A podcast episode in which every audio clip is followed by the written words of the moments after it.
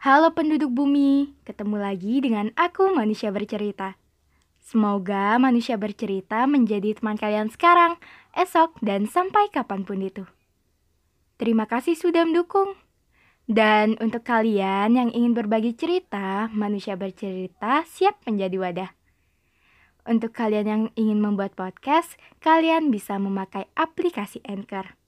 Aplikasi yang mempermudah kalian untuk membuat podcast dan aplikasi ternyaman untuk menjadi rumah podcast, cerita, dan kisah.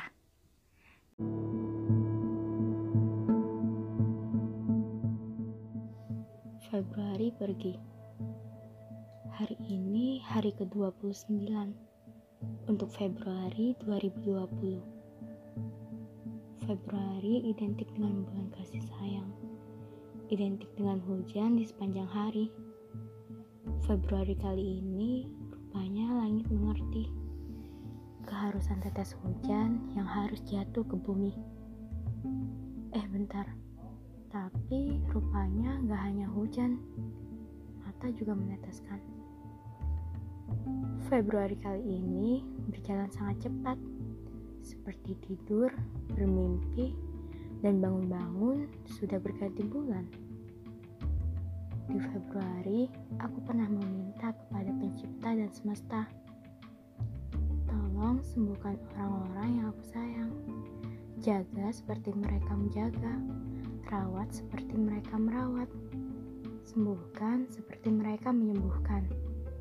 Pagi nanti, selepas aku buka mata, semuanya kembali seperti semula ibu yang dewasa memasak berbagai macam masakan penuh cinta, berjalan tanpa rasa sakit, bercerita tanpa jeda, ceria tanpa tangis air mata, mandi sepuas hati, makan tanpa ada larangan, berjalan tanpa menggunakan bantuan, tidak lagi minum berbagai obat, dan menetap di rumah tanpa berkunjung ke rumah sakit.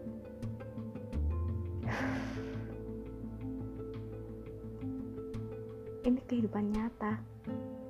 Tidak ada ala Doraemon seperti dalam cerita. Manusia berencana dan berusaha, pencipta yang menentukan ending cerita. Rupanya, pencipta sayang ke ibu aku.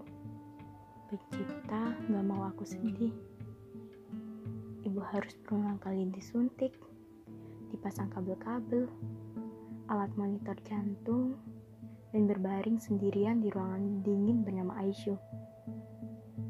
Ibu yang kuat tidak sekuat dulu. Ibu benar-benar terbaring tidak berdaya, bahkan tidak bisa berbicara. Kata dokter, ibu koma.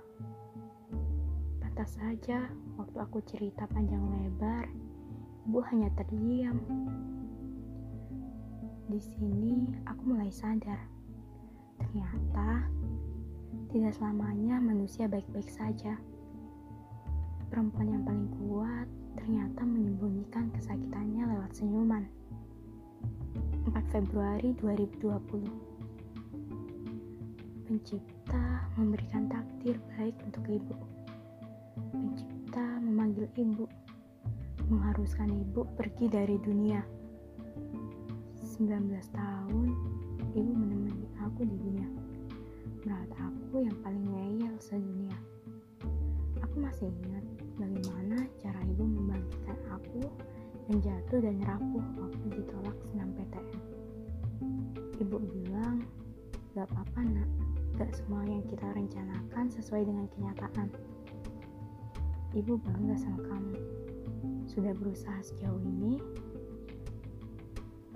Ibu percaya kamu pasti bisa.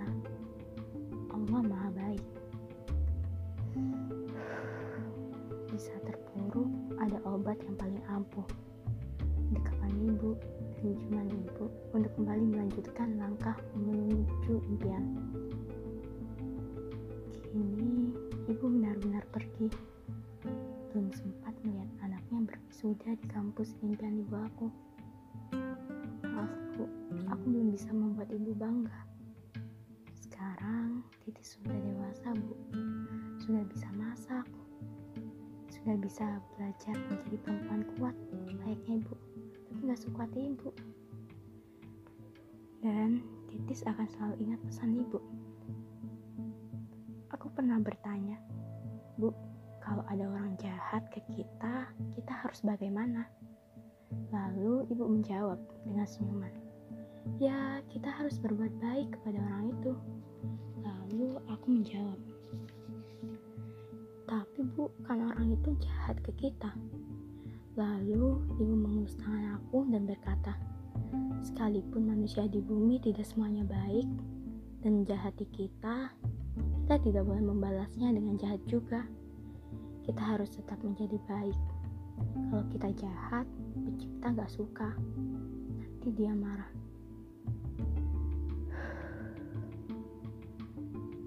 Pesan itu senantiasa aku simpan dan ingat dalam-dalam. Oh iya, Empat hari menjelang ibu pergi, tepatnya 8 Februari 2020, pencipta menghadirkan malaikat kecil yang akan tumbuh menjadi jagoan, terlahir dari rahim kuat mbakku. Alhamdulillah, aku sangat bersyukur. Ternyata benar, ada yang pergi dan ada yang datang.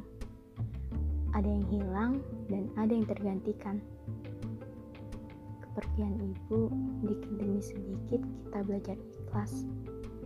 Masih ada mbak yang bisa menggantikan posisi ibu di keluarga kami. Tapi semua di luar dugaan, di luar perkiraan. 13 Februari 2020 Rupanya mbak menyusul ibu kembali kepada sang pencipta Rasanya seperti mimpi, tapi benar-benar terjadi. Bulan ini Februari, ujian di mana keluarga kami dari lima bersisa tiga, bapak, emas, dan aku.